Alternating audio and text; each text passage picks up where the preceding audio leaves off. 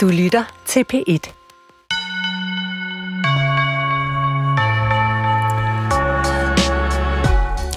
Jeg kan lige så godt erkende det. Jeg har været single i tre år, og det er delvis fordi jeg simpelthen ikke orker flere mænd.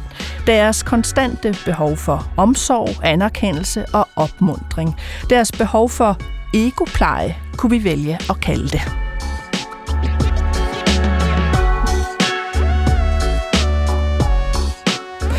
Og så er det jo heldigt, at der er mænd, der har det ligesom mig. Mænd, der ikke orker flere kvinder.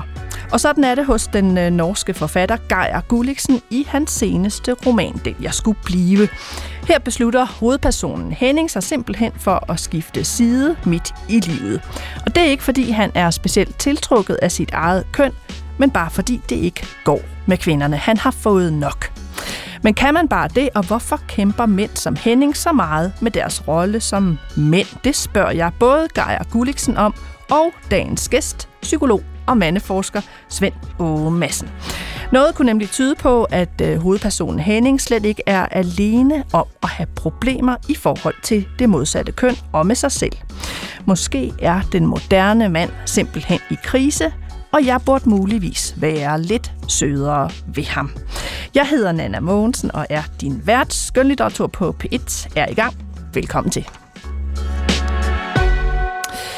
Ja, så kan jeg byde goddag til øh, dagens øh, gæst, psykolog, mandeforsker og forskningsleder på Rigshospitalet, Svend Åge Madsen. Velkommen til. Tak skal du have. Og du tør godt være i studiet med mig. Ja, forløbig. Dør. Du kan nå Jeg er også psykolog, så jeg er vant til at... Vant til aggressive kvinder, der ja, brokker sig om... Ja. For tilfældigt eksempel, ja. Det, det kan være, det er mig, der skal i behandling. Øh, og det er jo også, folk kender dig sikkert fra, fra radio og tv, men altså, du er ofte den, der bliver hævet ind, når vi skal høre lidt om, hvordan har øh, nutidsmanden det, og det skal vi tale om i dag. Du har også læst Gar Gulliksens øh, seneste roman, som er på tapetet i dag. Han var i øh, København den her weekend, så der nåede jeg at tale med ham, og det interview spiller vi i bider i dag. Og så kan lytterne selvfølgelig også høre noget oplæsning fra romanen, altså der hedder Den, jeg skulle blive, om Henning, der ikke kan få det til at, at øh, køre rundt. Hvad tænkte du, da jeg spurgte dig, om du ville læse øh, en roman af Geir Gulliksen? Jeg tænkte jo umiddelbart, fordi du også annoncerede alt det, der handlede om, om mænd i krise. Det er lige noget for mig. Det kunne jeg rigtig godt tænke mig at, at, at, at snakke om. Og når jeg så ser hans bog, så får jeg jo mange andre tanker, som jeg håber, vi kommer ind på mm. den her gang, fordi at, hvad skal man sige, hans veje er også særlige i forhold til så mange af de ting, når man siger sådan mere generelle ting i samfundet om, hvad der sker med mændene. Men jeg synes, mange af de problemstillinger, han så op, er lige på kornet i forhold til alt det, vi snakker om med forandringer imellem kønnene. Mm. Og bruger du, altså du arbejder jo så også, som du sagde, du er psykolog, og, øh, altså bruger du nogen skønlitteratur for at ligesom forstå personer og mennesker og sådan i dit arbejde? Ja, i, i høj grad i forhold til, og nu har det med fædre og udvikling af, hvad vil det vil sige at være far fra de første grækere og frem, har jeg brugt meget øh, skønlitteratur, fordi det er jo meget, meget interessant, både skønlitteratur og andre kulturprodukter, der handler om, hvordan er farens rolle, hvordan er relationen mellem fædre og børn i, op igennem historien. Det er næsten kun beskrevet i, i skønlitteratur, kan man sige, og i film og tv-serier og den slags. Der er ikke så meget forskning på det, som, som man godt kunne ønske sig faktisk. Og i, i de her år er der jo rigtig meget skønlitteratur, øh, også dansk skønlitteratur, der handler om, øh, om far og opgør med far, og hvad betyder far, og mm. hvad gør vi, når far drikker og ikke er den. Så jeg vil sige, skønlitteraturen ja. er jo virkelig stedet at gå hen. Helt sikkert. Øhm, øh, øh, nu er det jo ikke et anmeldelsesprogram, men, øh, men øh, hvad synes du? Vi skal nok også forklare, hvad den handler om, det skal jeg nok gøre, men, men hvad synes du om, om Guy Gulliksens roman? Altså, jeg synes, den stiller nogle spørgsmål op, men jeg synes, det kan blive lidt svært at forstå, hvad er det, der driver personen? Altså, du siger, han er blevet træt af kvinder, men, men jeg tænker jo på, at det er jo en masse uforløste forhold til kvinder, det handler om. Det er ikke øh, sådan oplevelsen af, at her er der virkelig noget, der er blevet afprøvet, og vi forstår det indre i det. Og så tænker jeg meget, at han øh, tænker på øh, det med køn, det er meget noget ydre. Altså hele bogen starter med et par korte bukser, som, som er næsten bærende for hele romanen, og hvad synes man om, at han har sådan et, en, en, en jakke, og så korte bukser i jakken, og det alle forholder sig til det, og han har hår på benene og sådan noget. Så han er meget optaget af det ydre, kan man sige, på den ene side. Og så på den anden side, så synes jeg måske også, at han, han ligesom ser, jamen køn, det er det samme som seksualitet. Altså hans måde at eksperimentere med kønnet er jo selvom du siger, at han er ikke tiltrukket, så bliver det en, en, en eksperiment med øh, det, det seksuelle på en eller anden måde. Og, så synes, og der, der synes jeg ikke, han går dybere i, hvad vil det også sige at være et køn, mm. end bare at have en seksuel orientering. Det er jo også meget tit, vi taler om, folk skal have fri til at have en bestemt seksuel orientering, men homoseksuelle er jo ikke nødvendigvis kun optaget af sex, de er jo også optaget af mange andre ting, for eksempel kærlighed til, til en af samme køn, og, og, og det er vel også der på en eller anden måde, romanen den ligesom ikke, heller ikke bliver forløst i det forhold.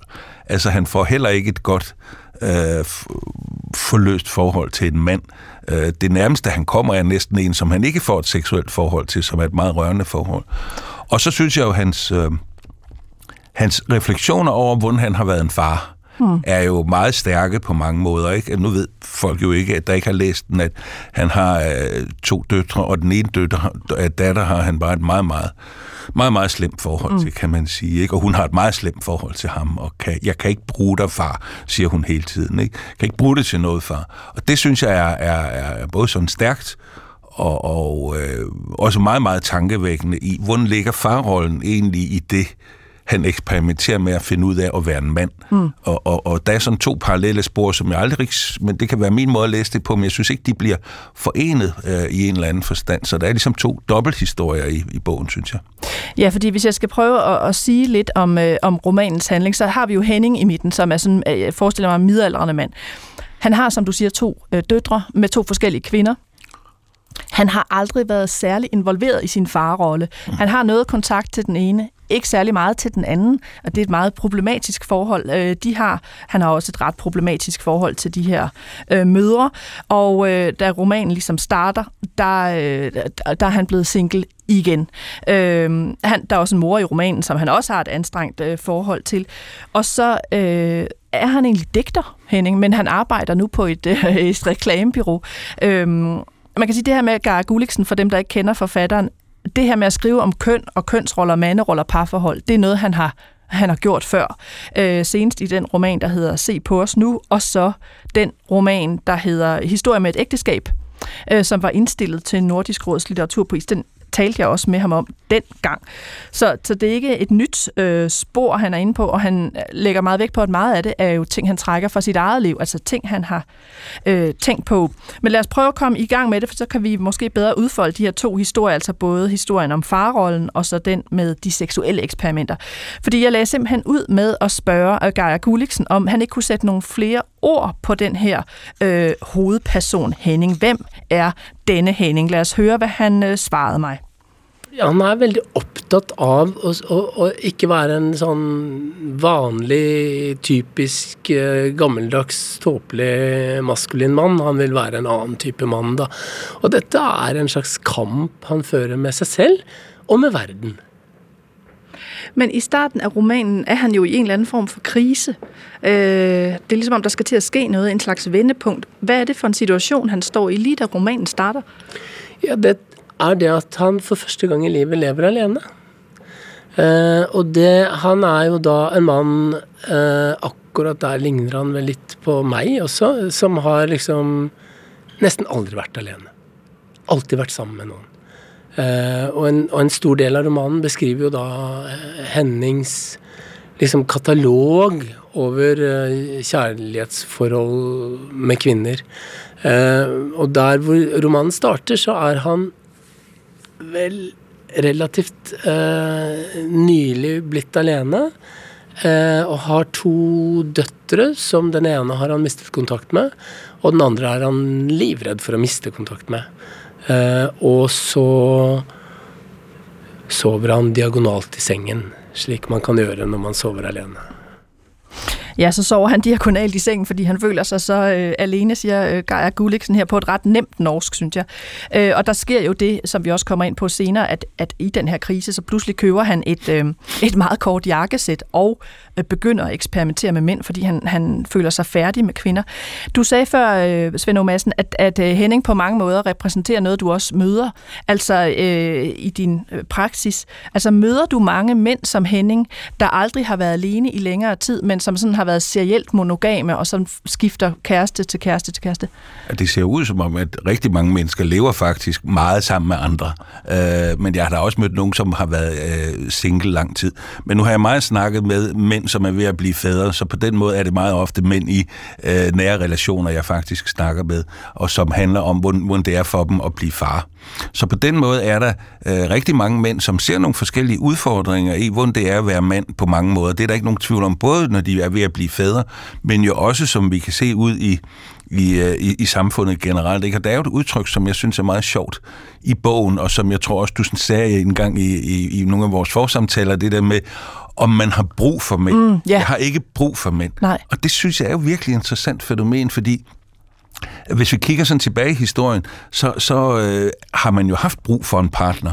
Altså, kvinder skulle forsørges af mænd, og kvinder har været økonomisk afhængige af mænd, og øh, min mor, hun fik hver torsdag i 50'erne udleveret 200 kroner af min far til, til husholdningen, og værsgo. Og så det var, kan man sige, der var et virkelig, virkelig afhængighedsforhold. Man havde brug for hinanden. Når man i dag overhovedet kan sige, jeg har ikke brug for en partner, en mand, en kone, en, en kvinde, som jo er både i bogen og som, som du også siger. Hvad skal man bruge dem til, som ja. du sagde?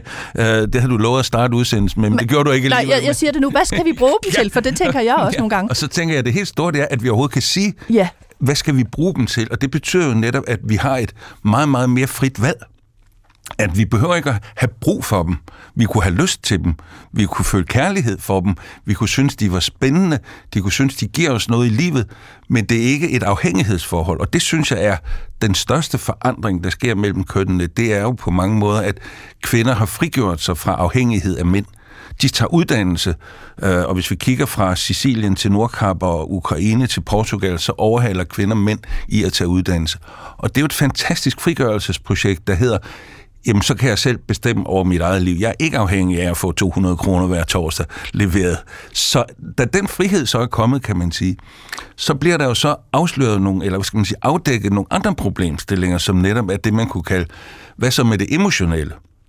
Og der ser det jo så bare ud som om, at der er langt flere mænd end kvinder, der er afhængige af deres partner som den emotionelle øh, ja, partner i deres liv, fordi mange mænd ikke har mange andre fortrolige i, Nej, jeg i skulle til at sige, hvorfor, fordi nu lagde jeg også ud med at sige, at jeg var single, og jeg mener virkelig det, jeg siger, jeg er meget træt, øh, øh, ja, ja, ja. og hvad skal jeg bruge dem til? Ja, ja. Og man kunne jo sige, hvorfor er Henning ikke glad i den roman? Fordi nu har han aflet de børn, han skal, øh, og så kunne han jo egentlig være ret lykkelig som, ja. øh, som single, men det er han jo ikke. Han er, det, han er jo altså, i dyb krise, fordi han ikke har en kæreste.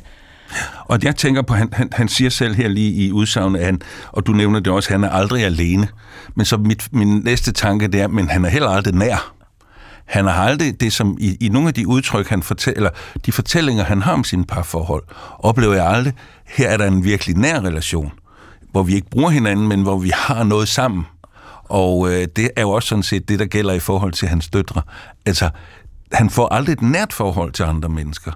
Øh, så derfor sige, en ting er, om man er sammen med andre, der kan man jo altså godt være sammen uden at have en virkelig nær relation. Og det synes jeg er på en eller anden måde, det som springer ud af Hennings historie, det er, at jamen, de mange parforhold virker altså ikke som om, de har fyldt ham med det, de kunne fylde ham med. Han ser det mere som en kønsproblematik også, og ikke som et, det et menneske, han har været sammen med. Og så skifter han over til den anden side og siger, man kan vide, om det så kan bruges. Øh, og, og det er så der, jeg synes jo, han, den eneste virkelig nære relation, der er i bogen, det er en, en mand, som ikke, som forsøger at imødekomme ham, men som ikke har nogen seksuel øh, tiltrækning af ham, men som bliver virkelig en, han snakker fortroligt med. Så endelig finder han en fortrolig, som forstår ham, men det kan han bare ikke have med at gøre, slutter bogen med på en eller anden måde. Ikke? Jeg synes, vi skal prøve at, at, at komme mere ind på det her med Henning, fordi øh, vi skal høre et stykke fra romanen, og du har fået lov at vælge det første stykke. Øh, og Henning, som du siger også, og vi taler om, han tænker meget over det her med at være mand. Hvad for en mand skal han være? Hvordan skal han ikke være? Øh, og hvordan skal han være i forhold til kvinder? Øh, her er vi i begyndelsen af romanen, og øh, Henning er sammen med sin chef Clara fra arbejdet, og hun reagerer ret øh, voldsomt på at se ham dukke op i det her øh, helt nye og meget øh, korte jakkesæt. Her er det forfatteren selv, der læser op, og så tager min kollega Thor Leif over. Prøv at høre øh, de næste tre minutter, altså fra Gar Gulliksens roman.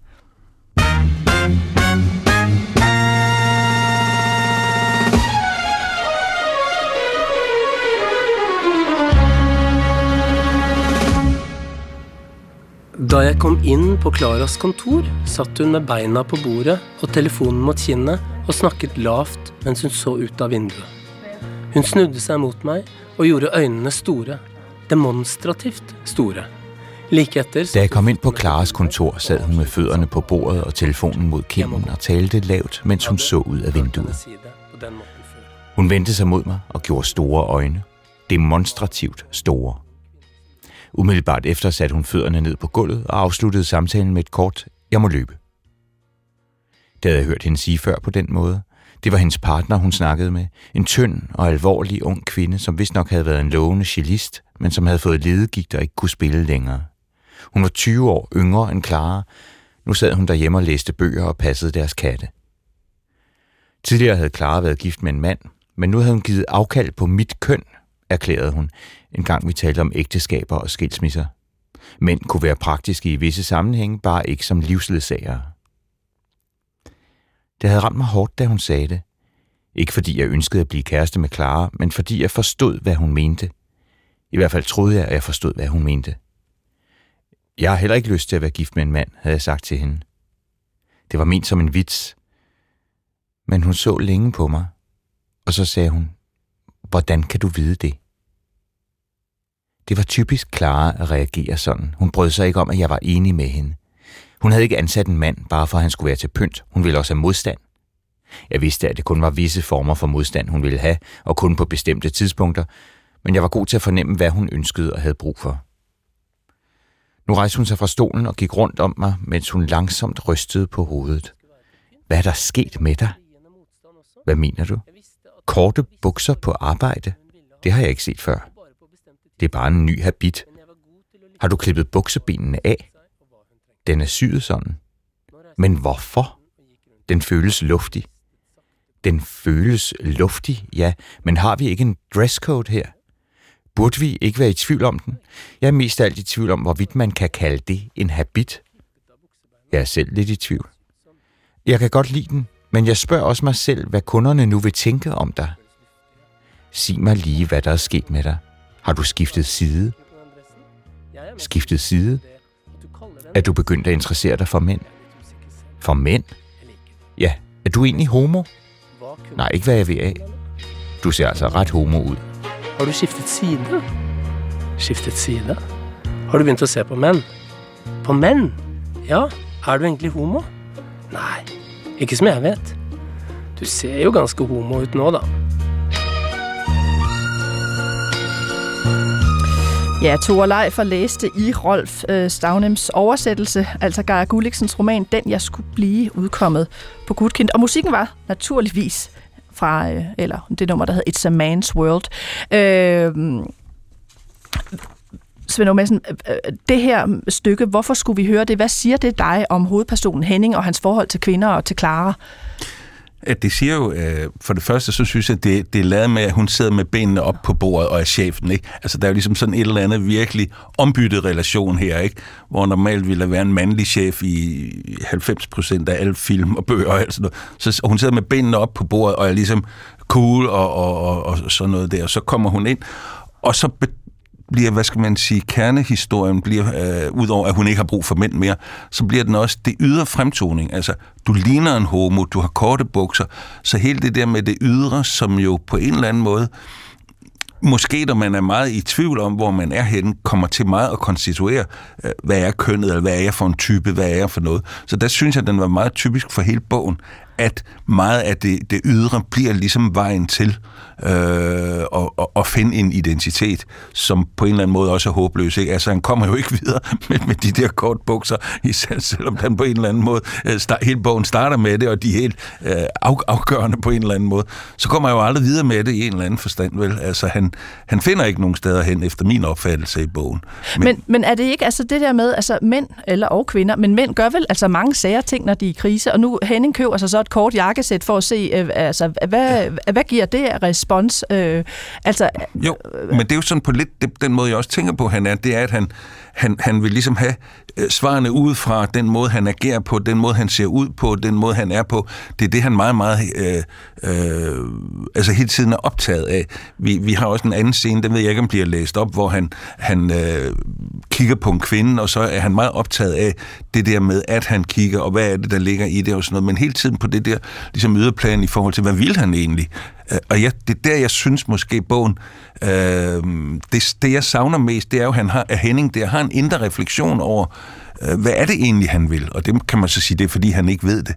Men i, i den her øh, altså den her sektion, vi fik læst op, der er det ligesom bare netop defineret med, at kvinder kan sige, de ikke kan bruge mænd til noget. Jo, de kan godt være praktiske i nogle sammenhæng, det er fint, men ellers kan de ikke bruges til noget. Og, og det synes jeg er, er, er ligesom tidens tand, og, og den krise, som man, hvis vi siger, at mænd står i en krise, så, så er det jo dem at blive fravalgt, fordi der ikke er behov for dem. Og det ser vi jo, eller nogen synes, der ikke er behov for dem. Ikke? Og, og øh, det ser vi jo så nogle enormt stærke reaktioner på rundt om i verden. Altså, i USA har man jo et begreb, der hedder angry white men. Mm, altså de vrede hvide mænd. Ja, og som, som, som min, min, min gode kollega Michael Kimmel har skrevet bøger om, øh, som jo handler om det der med, at der er en gruppe mænd, som har haft en hel masse ting, som har været givet, ikke til diskussion. Jeg har et arbejde, jeg har en kone, jeg får børn, jeg har en familie, jeg har et udkomme, og jeg er, er, er skaffer i den her familie. Helt den der traditionelle, som også hedder colonial father-rolle, mm. øh, eller colonial man-rolle i, i USA, at den går så i opløsning, og det kommer der så en hel masse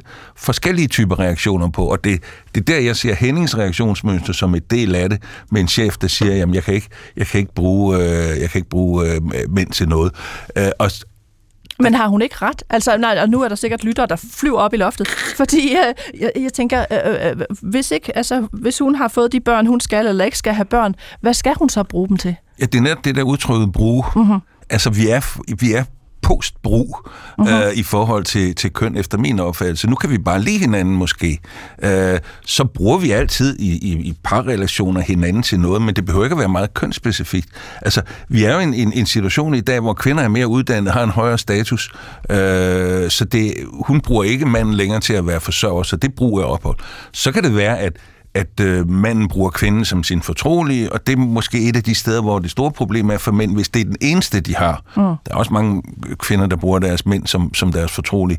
Men, men mange kvinder har jo en masse andre nære relationer, mens manden på den måde er blevet afhængig af at have den ene, og det er nok den største krise, der er. Så det der med at have brug for hinanden, synes jeg bare, det, det bliver et, et øh, altså ud fra et stereotyp fastlåst mønster om forsørger og forsørget, det var det, der hed brug for. Så får vi jo altså nu, at man kan møde hinanden på meget mere lige fod. Og så står mændene i den krise nu, at nu har kvinder overhalet dem og kan bare sige, at vi har ikke brug for jer.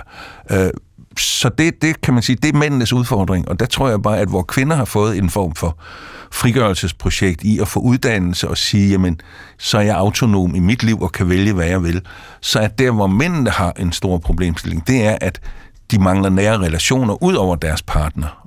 Og eftersom mange ikke har en partner, og mange har problemer med deres partner, så har de ikke nogen andre at snakke med. Der tror jeg, at hvis man skulle sige, hvad er mændenes frigørelsesprojekt, det er at få nogle nære relationer til andre end kun deres partner. Og det får Henning for så vidt, han kan bare ikke bruge den, fordi han også blander det sammen med det seksuelle, men han får faktisk en mand, som er en nær relation, som rigtig gerne vil dele det svære, det smertefulde, det glædelige, det nære øh, med ham, og han vil sådan set også gerne gøre det med ham. Men, men der kommer så den seksuelle øh, ting i vejen, kan man sige. På den måde er bogen, synes jeg jo, øh, hvad skal man sige, jo, altså løfterig i, man kan godt møde mennesker. Det er ikke, mm. De har ikke brug for hinanden, men de kan møde hinanden som, som ligeværdige partner, der har noget at sige til hinanden. Og det er det, som jeg tror, at mange mænd er i en stor overgangsfase historisk med fordi at øh, de har været vant til at, at, at have den der rolle, og det er det, som Angry White Men reagerer på. Hvad fanden er nu det for noget, ikke? Og, og der findes en gruppe, der hedder Incel, som er sådan nogen, der kræver, øh, at de har ret til sex, og, og, og, og ikke skal gøre noget for det selv. Så, så på den måde kan man sige, så, så bliver sådan nogle forandringer også nogen, som viser nogle store øh, altså udskejelser på en mm. eller anden måde, og ekstremer i, i forskellige sammenhænge, ikke? Men jeg må jo indrømme, og nu skal vi øh, høre et, et, et klip til fra interviewet. Jeg var, jeg var rimelig irriteret på Henning, mens jeg læste, for jeg tænkte, hvis det er, øh, hvad, hvad mandekønnet kan diske op med, så er jeg virkelig ikke interesseret, fordi han køber jo det her kort jakkesæt, og så sker der det meget mærkeligt. Han er til et møde øh, på reklamebyrået, og der er også en anden mand til stede. og pludselig rækker Henning øh, hånden over og stryger den anden ja, mand på kinden, og man tænker, hvad søren har han gang i, og hvorfor gør han de her mærkelige ting? Det vil jeg gerne vide. øh, og så spurgte jeg selvfølgelig øh, Geir Gulliksen om det, og prøv at lytte med her de næste tre minutter, hvor han prøver at forklare, hvorfor gør Henning det, han gør. Ja, det vet jeg ikke helt. det, er jo, altså, det, er noen, det er jo en del av det man skriver i en roman som man faktisk ikke vet. Ehm, det er veldig det er egentlig veldig sjelden at man skriver scener for å liksom illustrere en påstand. Når jeg snakker om en roman etterpå, så høres det ut som jeg har kontroll på alt. Og den scenen, den kom bare. Men jeg tror at Henning, fordi han har begynt å, å liksom tre litt ut av seg selv, og det jakkesettet gjør at han trer liksom enda mer ut av seg selv, så tror jeg at han kanskje begynner å liksom identifisere seg litt med denne mannen som han tenker, tror øh, ganske sikkert er en homofil mann. Og så gjør han den feilen at han da tenker at det er helt ok at han stryker den andre mannen på kinnet. Det er vel kanskje seg selv han stryker på kinnet, på en måte. Men han velger da å gjøre det med en annen mann. Og det er jo ingen forskjell på å gjøre det enn å om han hadde plutselig strøket en vilt fremmed eh, kvinne på kinnet. Det er, det er, De aller færreste av oss har lyst til å bli strøket på kinnet av en vi ikke kjenner. Så det er jo problematisk. Men jeg tror kanskje at han At det er seg selv, liksom. At han prøver å ta vare på seg selv. Men så så går han jo i gang med en eller anden form for forsøg eller eksperiment. Så skifter han ligesom seksualitet, altså med vilje. Det er ikke noget, han sådan føler for, men så, nu har han prøvet kvinder, det gik ikke så godt. Så nu begynder han at prøve forhold med mænd. Ja. Det er jo en ret ekstrem, øh, et ekstremt eksperiment. Hvor, hvor fandt du på det hen? Hvor fik du det fra? Ja, det er lidt ekstremt, ja. Men, men da, ja, det var i grunnen dette som satte i gang hele romanen. Fordi at eh, jeg har flere venner som er sånn voksne kvinner. Som relativt sent i livet har liksom sagt Jeg er ferdig med menn. Jeg har blitt sammen med en dame isteden. Det er mye bedre med kvinner. Det er, liksom, jeg orker ikke flere menn. Uh, og de gangene man hører noen si noe sånt, eller hører en kvinne si noe sånt, så øh, har jeg alltid liksom nikket og sagt det. Jeg skjønner godt hva du mener, og det gir mening, på en måte. Det kan skje. Kvinner kan plutselig av liksom pragmatisk, politisk, praktisk art uh, plutselig skifte legning, virker det som.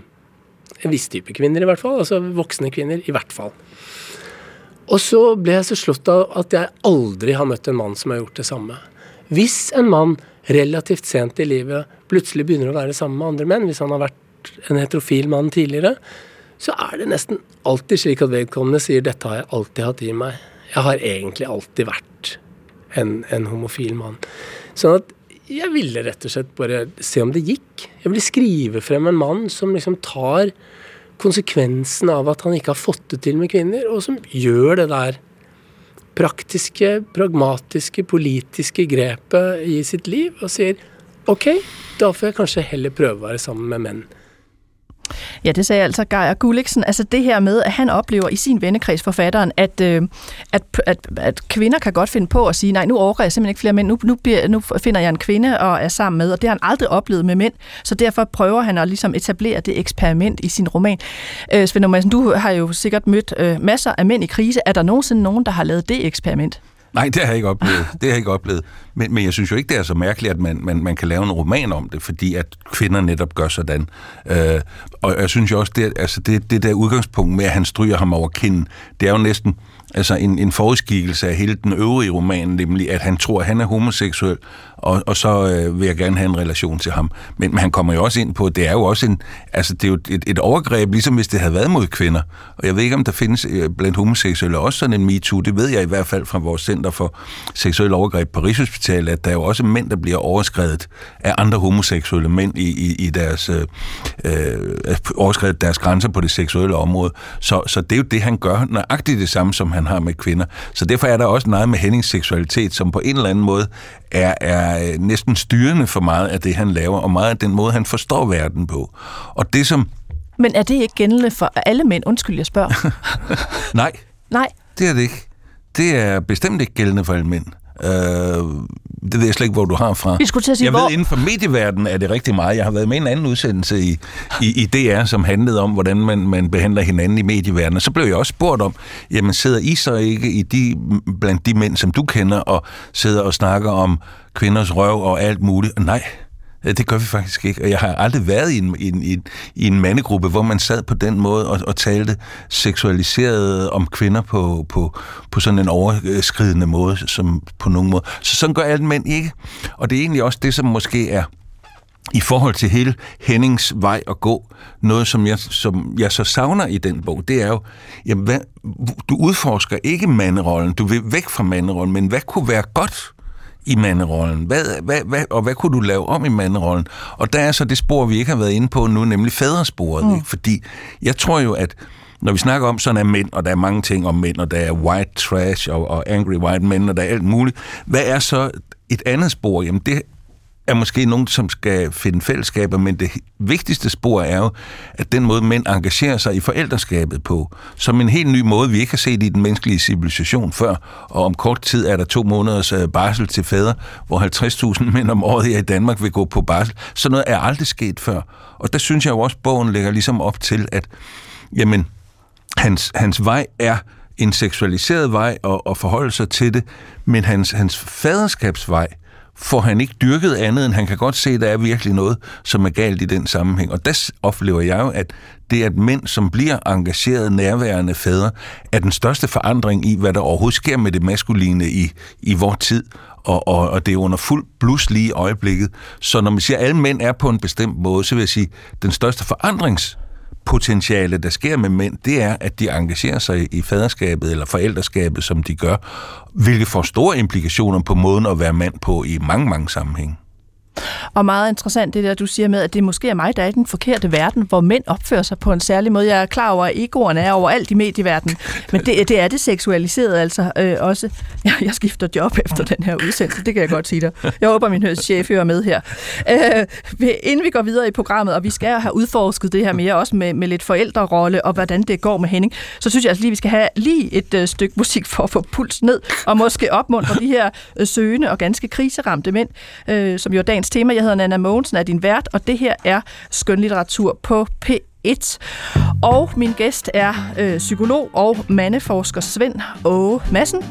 What a man, kan jeg bare sige.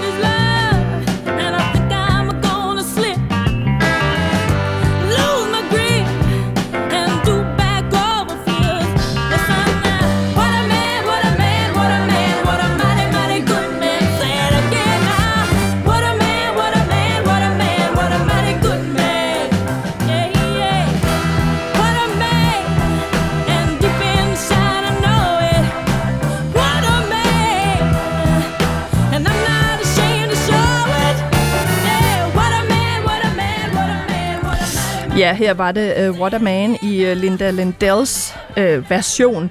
Og hvis lytterne har fået pulsen ned, min er helt oppe, fordi jeg nu har fundet, at jeg skal skifte job og verden og alt muligt andet for at finde en ordentlig mand, øh, så skal vi til, til en øh, af de mere kontroversielle dele i den her øh, roman, som vi jo taler om, altså Gaia Gulliksens øh, Den jeg skulle blive. Og øh, det er ikke det her med, at Henning skifter seksualitet. Det er ikke det sådan, mest kontroversielle for mig i den. Nej, det er Hennings ønske, altså hovedpersonens ønske om at blive ejet af sin partner. Ejet, det er simpelthen et, øh, et begreb, øh, Garg Gulliksen bruger.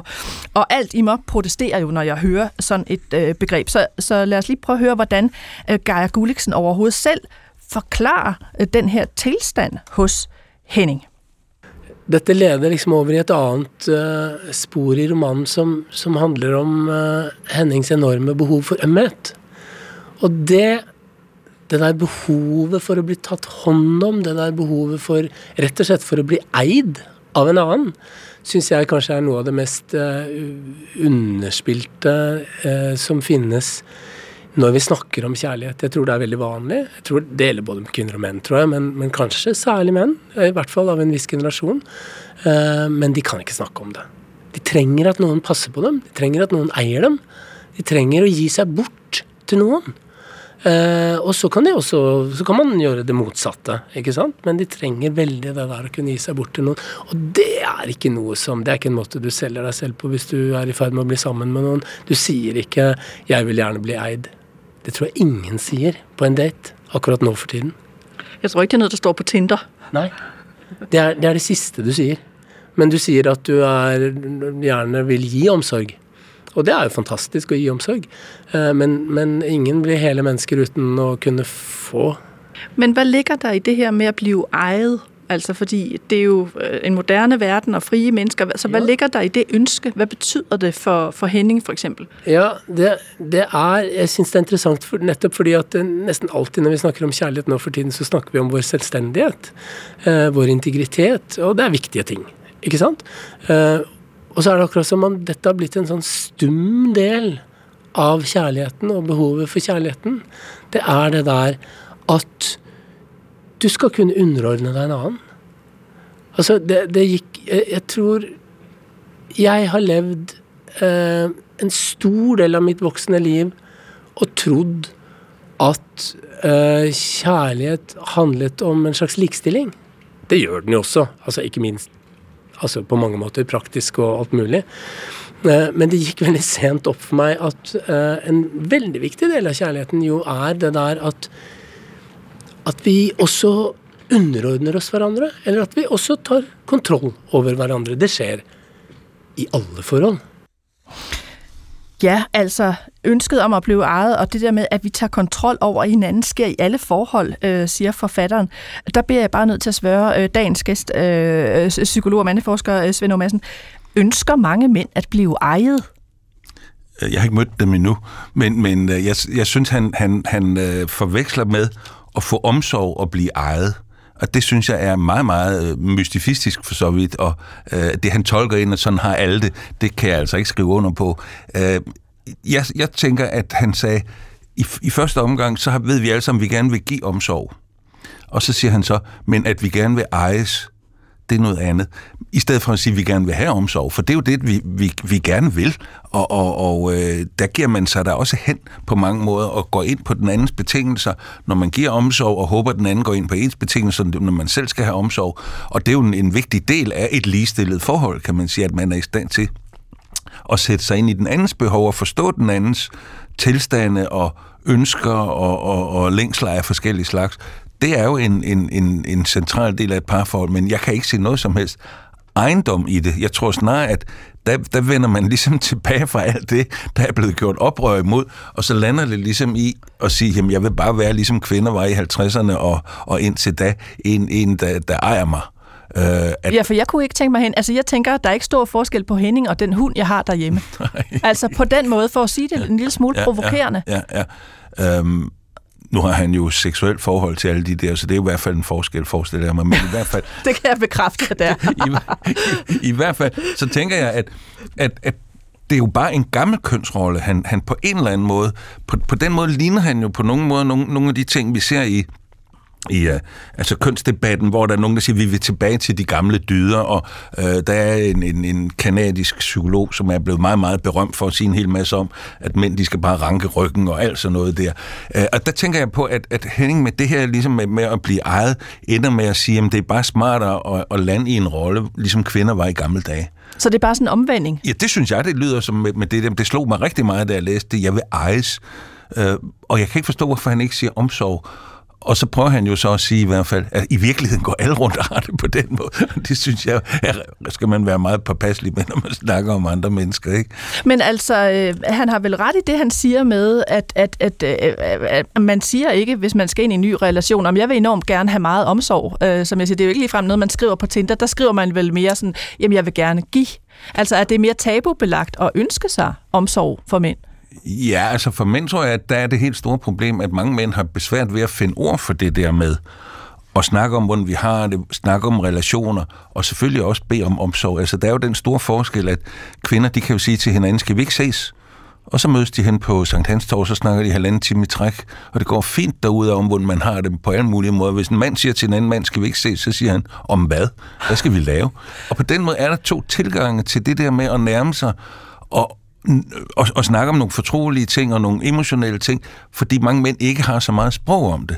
Mens kvinder ligesom kan åbne for kassen, så kører det derud af og snakke om alle mulige ting på det relationelle område. Og der tror jeg så bare, man kan sige, at det ligger jo implicit, men mændene har svært ved at fortælle om det, at de gerne vil have omsorg. Og vi ved jo også, at mænd i krise, øh, det er sådan en af, af mine forskningsområder, det er jo, at at mange mænd, når de er i krise, så kommer de i et, i et rigtig slemt dilemma mellem på den ene side gerne vil have omsorg, og på den anden side og vil være i fred.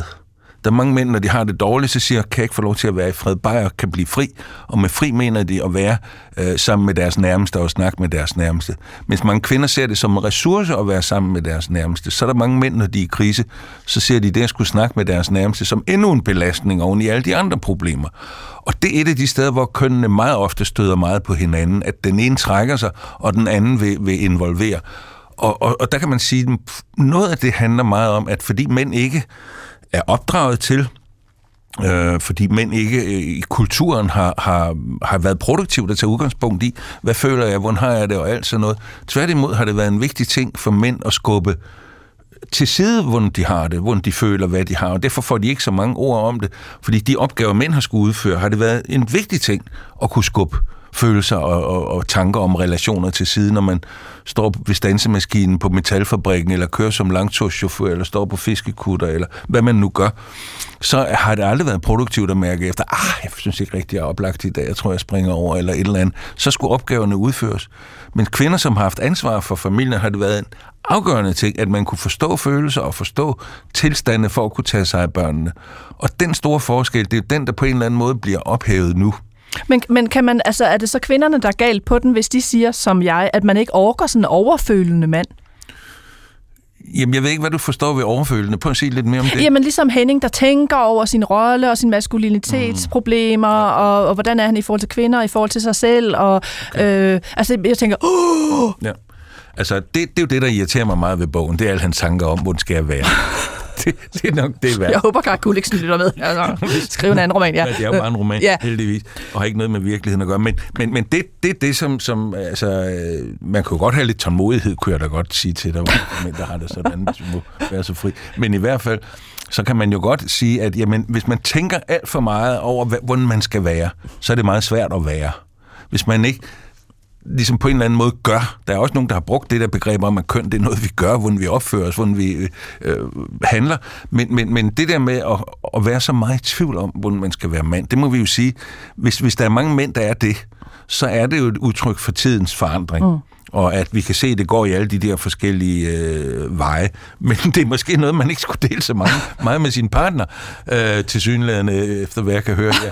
Men, men det er derfor, jeg siger, at, at rigtig mange mænd har måske meget behov for, sammen med andre mænd, at finde nogle måder at være mænd på i, i nogle fællesskaber og nogle nære relationer, øh, som ikke skal være kvindeudelukkende, men som kan på en eller anden måde være produktive om at snakke om, hvordan er det at stå her som en mand i dag, og hvad er det egentlig, øh, vi gerne kunne tænke os, og alt sådan nogle ting. Jeg synes, vi skal høre øh, lidt mere af romanen. Øh, øh, det sidste klip her, øh, hvor øh, vi får sådan cirka øh, to og et halvt minut, øh, om hvor Henning netop prøver at sætte ord på den der sin egen opfattelse af køn og det at være mand, altså den her overtænkning, jeg jo synes. Mm. Igen er det Thor Leifer, der læser i Rolf øh, Stavnems oversættelse, øh, altså fra Geir Gulliksens roman, Den jeg skulle blive, og selvfølgelig er musikken igen øh, It's a Man's World.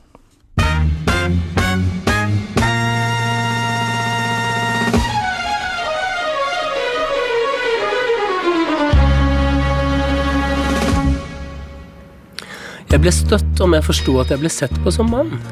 Særlig hos kvinner som var eldre enn meg, kunne jeg fange opp en matt overbærenhet, som om de visste hvem jeg var allerede før vi snakket sammen. Det støtte mig, hvis jeg blev opmærksom på, at man så mig som en mand. Især kvinder, der var ældre end mig, kunne udvise en mat overbærenhed over for mig, som om de vidste, hvem jeg var, allerede inden vi havde talt sammen. De kunne se på mig med ironisk nedladenhed, men indimellem også med en respekt, jeg ikke forstod. En slags modvillig underdanighed, som de næppe har brudt sig om ved sig selv, men som de alligevel tydeligt lod skinne igennem.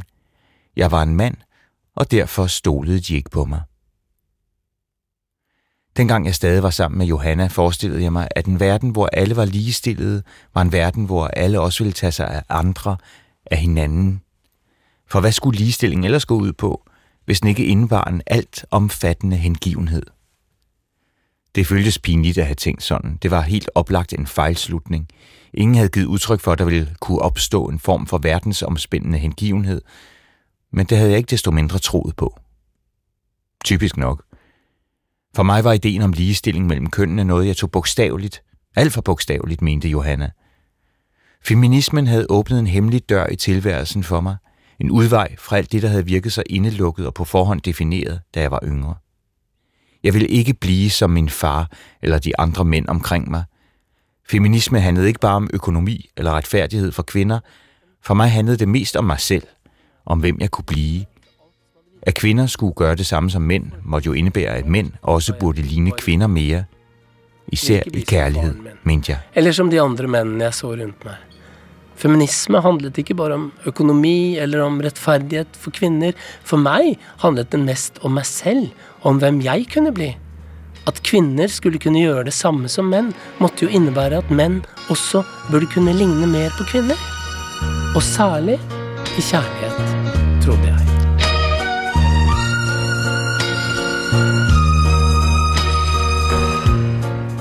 Ja, her er øh, Gaia Gulliksen jo inde på noget af det i sin roman, som vi netop har talt om, at det der med, at mænd og kvinder, altså øh, mænd må godt ligne kvinder mere og omvendt. Men Henning, øh, og der må jeg sige, der tænker jeg også, hold da op, hvad er det, der står? Henning bliver simpelthen stødt, hvis man ser ham som mand. Er mand gået hen og blevet et skældsord for nogen, øh, Svend? Det kan man måske ja. tro, når man hører mig tale.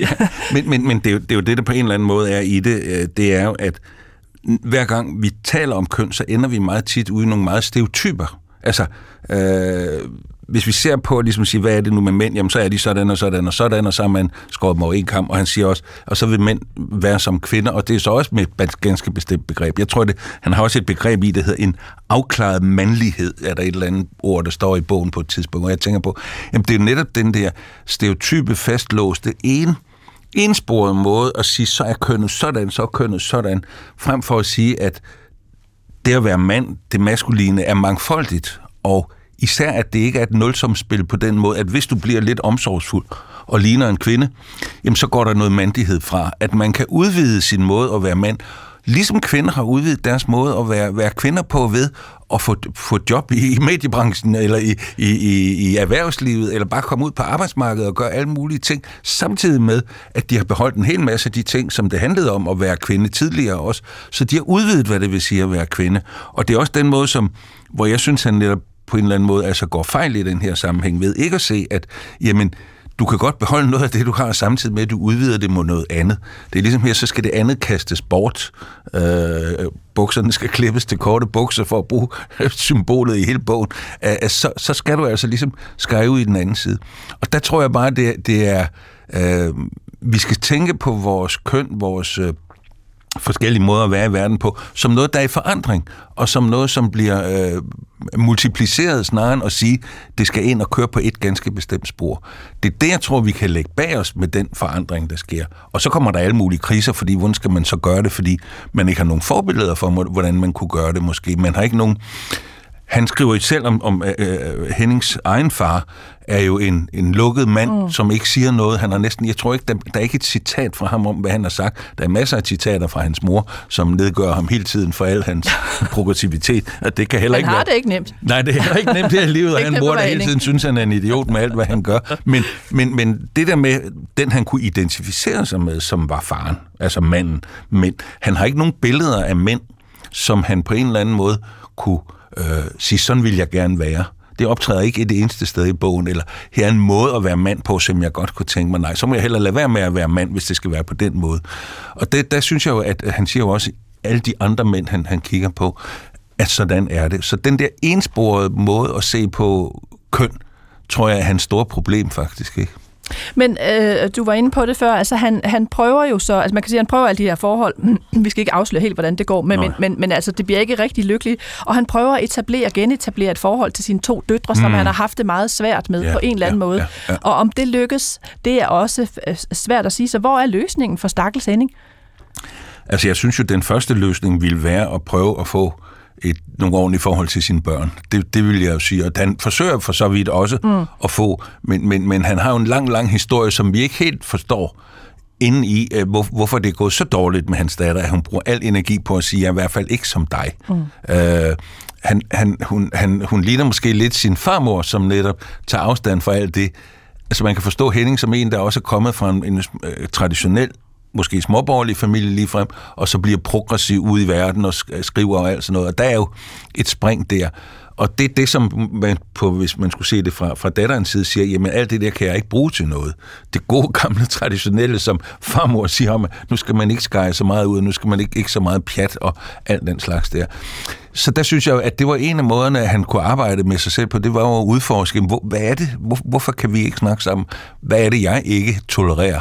Fordi øh, det er jo ham, der tager meget politisk afstand fra hende, mm. øh, og hendes... Øh, forholdsvis racistiske holdninger, eller hun siger, ja, jeg er racist, og det provokerer ham selvfølgelig vildt, men, men han, han øh, har svært ved at forstå, hvad det er. Og der synes jeg, det er en, en afsluttende ting i bogen, det ved jeg ikke, om man må sige, men det er jo ikke sådan et, et, et, øh, et plot, der bliver afsløret, men der er jo et tidspunkt, hvor han pludselig får en eller anden oplevelse af, hold kæft, hvor har jeg været en elendig far hvor har jeg ikke... I, I starten af bogen hører man hele tiden, at han næsten har taget sig af børnene hele tiden. Og så, så det er sådan en skilsmisse diskussion, kan man høre. Og så ender det så med til sidst, at han siger, at der, hvor jeg har fejlet, det er virkelig som far. Og det var jo noget, som jeg tænker, hvis du siger, hvad skal man gøre, den stakkels Henning? Det var at udforske og måske forbedre og gøre noget for at få nogle, nogle gode relationer til sine børn, fordi de er jo virkelig kedelige. Og, og Svend Madsen, vi har jo ikke så meget tid, men altså, jeg kunne godt tænke mig bare, for, fordi jeg også er selvoptaget, og vente lidt mod mig, for jeg startede med ja. at sige, at jeg var træt af mænd, og jeg overgød ikke mænd. Øh, og det ved jeg ikke, om, om jeg er blevet bedre i løbet af udsendelsen. Men jeg skal jo så heller ikke have ondt af mænd, kan jeg forstå. Nej. Så hvad skal jeg så? Forstå. Ja, det ved jeg godt, det er, det er et stort krav. Men, men altså, det er jo ligesom at sige, hvad, hvad er det, det har bragt at vi har været i en verden, som har i cirka en million år, har mænd haft højst status, højst uddannelse, har været forsørgere, har haft nogle ganske, ganske bestemte roller. Kvinder har i den samme million år haft nogle ganske bestemte roller. Og så er vi inden for en ganske, ganske kort række 10 år ude i, at det her, det ændrer sig øh, fuldstændig. Øh, altså i min barndom i 50'erne, når man hørte Danmarks Radio, så var der altså ikke nogen kvinder, der sad og interviewede. Der var måske nogle speakerpiger, der der ja, gang kom fjernsyn. Det var det vildeste, der kunne komme. Nu ved jeg ikke, om der ikke er et flertal af kvinder i mediebranchen, hvis man skulle gætte på det. Men det er der i hvert fald i lægebranchen, det er der i alle mulige steder. Så der sker nogle, nogle forandringer, som... Og det tror jeg, de fleste faktisk har det rigtig godt med.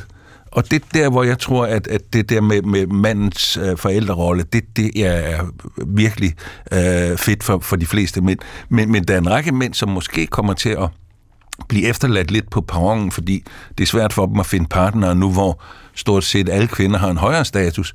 Også mange har en højere løn end mændene, og i hvert fald en højere længere uddannelse. Og den måde at kunne møde hinanden på, det er en problemstilling, som, som begge køn skal arbejde med, efter min mening, hvis de har lyst til at være sammen. Svend Madsen, altså, det bliver en anden udsendelse, der skal afgøre, om jeg har lyst til det, men vi kunne have fortsat øh, øh, lang tid endnu.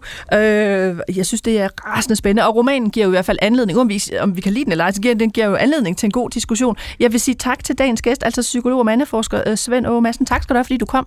Velbekomme. Jeg håber ikke, du er slidt fuldstændig Nej, overhovedet ikke. Jeg er kun blevet opmuntret. det kan jeg godt lide.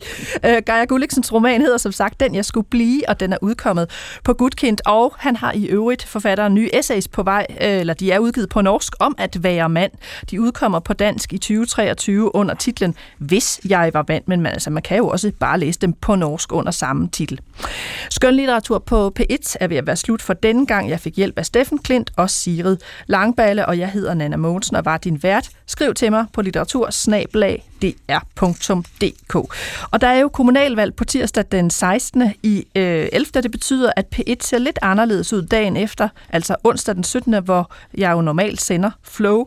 Øh, på onsdag kan du ikke høre programmet Skønlitteratur på P1 i radioen, altså i din Flow-radio, men jeg laver en helt ny udsendelse, og den kommer bare som podcast og på nettet på onsdag. Så der skal du bare finde udsendelsen. Øh, der er noget om repræsentation, race og racisme, og jeg har ny, hårdt slående lyrik på programmet. Og øh, vi slutter af i forlængelse af dagens tema om mænd med manden over dem alle. Johnny Cash med Solitary Man. Vi høres ved. Melinda was mine till the time that I found her holding Jim and loving him. Then Sue came along, loved me strong, that's what I thought. Me and Sue, but that died too. Don't know that I will, but until I can find me a girl who'll stay and won't play games behind me. I'll be what I am, a solitary man, solitary man. I've had it to hear, being where love's a small word, a part-time thing, a paper ring. I know it's been done having one girl who loved me, right or wrong, weak or strong. Don't know that I will, but until I can find me the girl who'll stay and won't play games behind me, I'll be what I am, a solitary man, a solitary man.